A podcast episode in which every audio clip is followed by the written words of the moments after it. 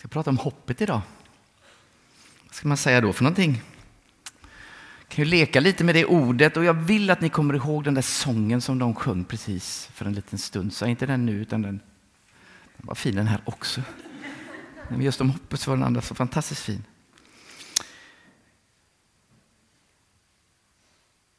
Har ni hört berättelsen om åsnan? Och om han som satt på åsnan? Nu är det en elefant och en mus också. Ja, ja, de kan få det. Historien är ju någonstans om det var någon som red in och Jesus sitter på åsnan och ger hela folket hopp. De har längtat och drömt och väntat och så kommer den här dagen där de helt plötsligt får hopp. För att det rider in en åsna och någon som sitter på honom som de har längtat efter. Nog om den. Ja, kanske kommer tillbaka till den så. Jag hade, hade, ni hade hört den förut? Ja, jag hade hoppats att den skulle varit helt ny, men det var den tydligen inte. Då. Vad hoppas du på egentligen för någonting? Om du tar det där ordet och funderar lite. Hur många är det som hoppas att HV ska vinna serien mot alla odds? Ja, och ni vet, vad är det för hopp? Jag hoppas att det blir en vit jul. Det kan man göra nu. Det känns ändå ganska så hoppfullt att det möjligtvis. Och så var det Anders nyss och så brast, och, ja, det blev något slask förmodligen. Ja. De här nya medlemmarna, för ganska så, ett par veckor sedan så var det någon som gjorde ett litet hopp. Och de andra kanske hade gjort det lite tidigare. De hoppade från en grund till någon annan. Ja, det är så jag tror vi ska tänka när man blir frälst och lär sig tro på Jesus. Man tar någonstans och så hoppar man över till något annat som håller så tror jag vi ska läsa Bibeln om att bli frälst. Vad sätter du ditt hopp till? Man säger ju det ibland. Vad bra att jag fick prata med dig. Du var mitt sista hopp, annars hade det gått åt skogen. Ja, vad, vad är det för någonting? Man sätter sitt hopp till någonting. Man litar på någon eller något. Man förtröstar. Jag tar hela mitt liv, mina tankar, mitt hjärta, mina känslor, allt och lägger någonstans för att jag ska må bra. Är det att sätta sitt hopp till någon eller något? Motsatsen till hopp, det är förtvivlan och fruktan. Ja, just det, det vill vi ju inte ha, utan vi vill ha något som inger hopp och tröst. I första Timoteusbrevet 4 och 10 så står det så här. Det är därför vi strävar och kämpar, ty vi har satt vårt hopp till den levande guden som är en frälsare för alla människor, särskilt för dem som tror. Vilken skön text! Jag hör mig själv säga det ibland, att Jesus kom hit till jorden för alla människor. Ibland får man för sig att det är bara för pastorer eller bara för de som är i kyrkan. Nej, han kom hit för alla människor. Och den här versen sätter sin Punkt på det. Han är en frälsare för alla människor. Särskilt för dem som tror. Det skulle innebära att alla som sitter här inne har tydligen möjligheten att fästa sitt hopp på Jesus. Du som möjligtvis inte har format en tro än. Ja, han är till för dig. Och du som har en tro, ja då är det dig det pratas om också här. Du har satt ditt hopp till den levande guden.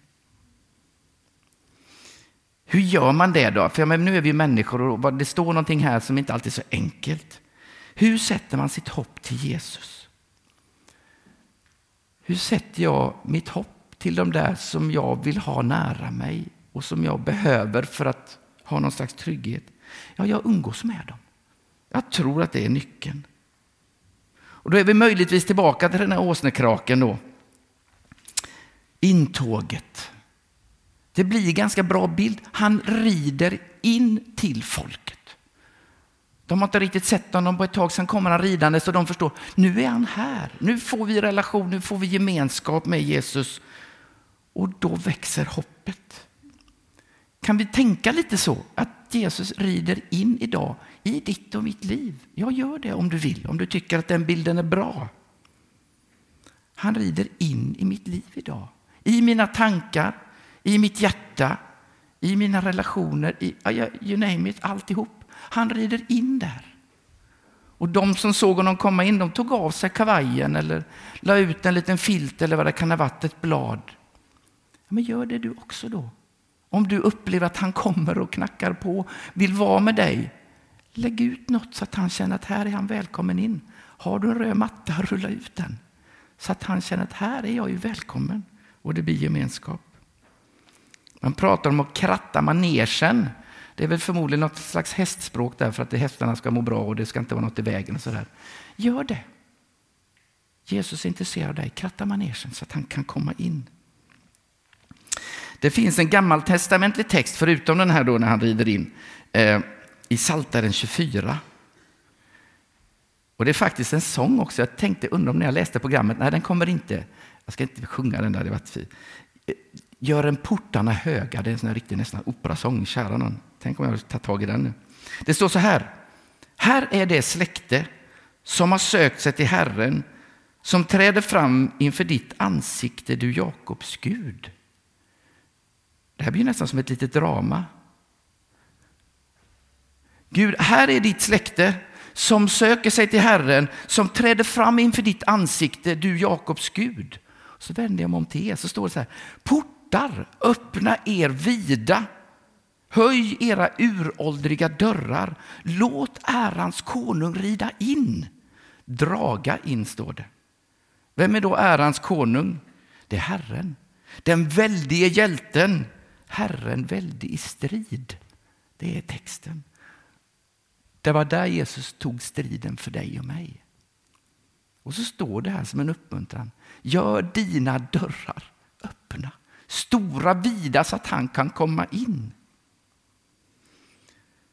Tommy Nilsson kanske var med i Melodifestivalen, jag är inte säker, men jag hittade en låt. För när jag satt och funderade på det här, öppna din dörr och säg att du vill ha mig här. Säg att du inom dig bär bara kärlekens röst. Och jag ska öppna min dörr och ge dig varje dag igen och leva här för sanningen. Vilken god dialog som Tommy har skrivit. Möjligtvis tänkte inte han på Gud, men vi får göra det. Så öppna din dörr. Vi lever i en märklig tid där det är ganska lätt att få för sig att Gud har lämnat oss. Eller möjligtvis vänt sitt ansikte bort, eller att du och jag har faktiskt vandrat bort från honom som det ser ut idag. Men budskapet är tydligt. Kom, sätt ditt hopp till Herren. Jag ska aldrig överge dig. Det är det som sångerna säger och det vi får dela idag. Hur ser det ut i vår värld? Ja, det ser inte så himla ljust ut. Men vi tänder våra ljus och vi delar budskapen att det finns ett hopp ska jag avsluta min predikan med att läsa från Salemos vishet. Det gör vi inte så ofta. Jag tycker det är lite kul. Ja, den gudlöses hopp liknar fjun som flyger bort i blåsten. Eller lätta agnar som storven driver framför sig. Det skingras som rök för vinden. Det försvinner som minnet av gästen som stannade bara en dag. Vilken skön text. Du vet, det där bara som försvinner. Ja, det är den gudlöses hopp i den här världen. Men den rättfärdiges hopp lever för evigt. Hos Herren har de sin lön och den högste sörjer för dem. Vi ber. Tack älskade Jesus att vi får vända oss till dig idag och be om hopp för våra liv. Hjälp oss som sitter här inne idag att, att någonstans hitta att du vill komma in till mig idag. Och du vill plantera ett hopp i mitt hjärta. Herre, vi ber för oss som sitter här, för de som finns i vår bygd, för de som finns i vårt land och över vår värld, Herre. Ibland ser det hopplöst ut, Herre, men för dig gör det inte det. Och i dig får vi finna hopp. Amen.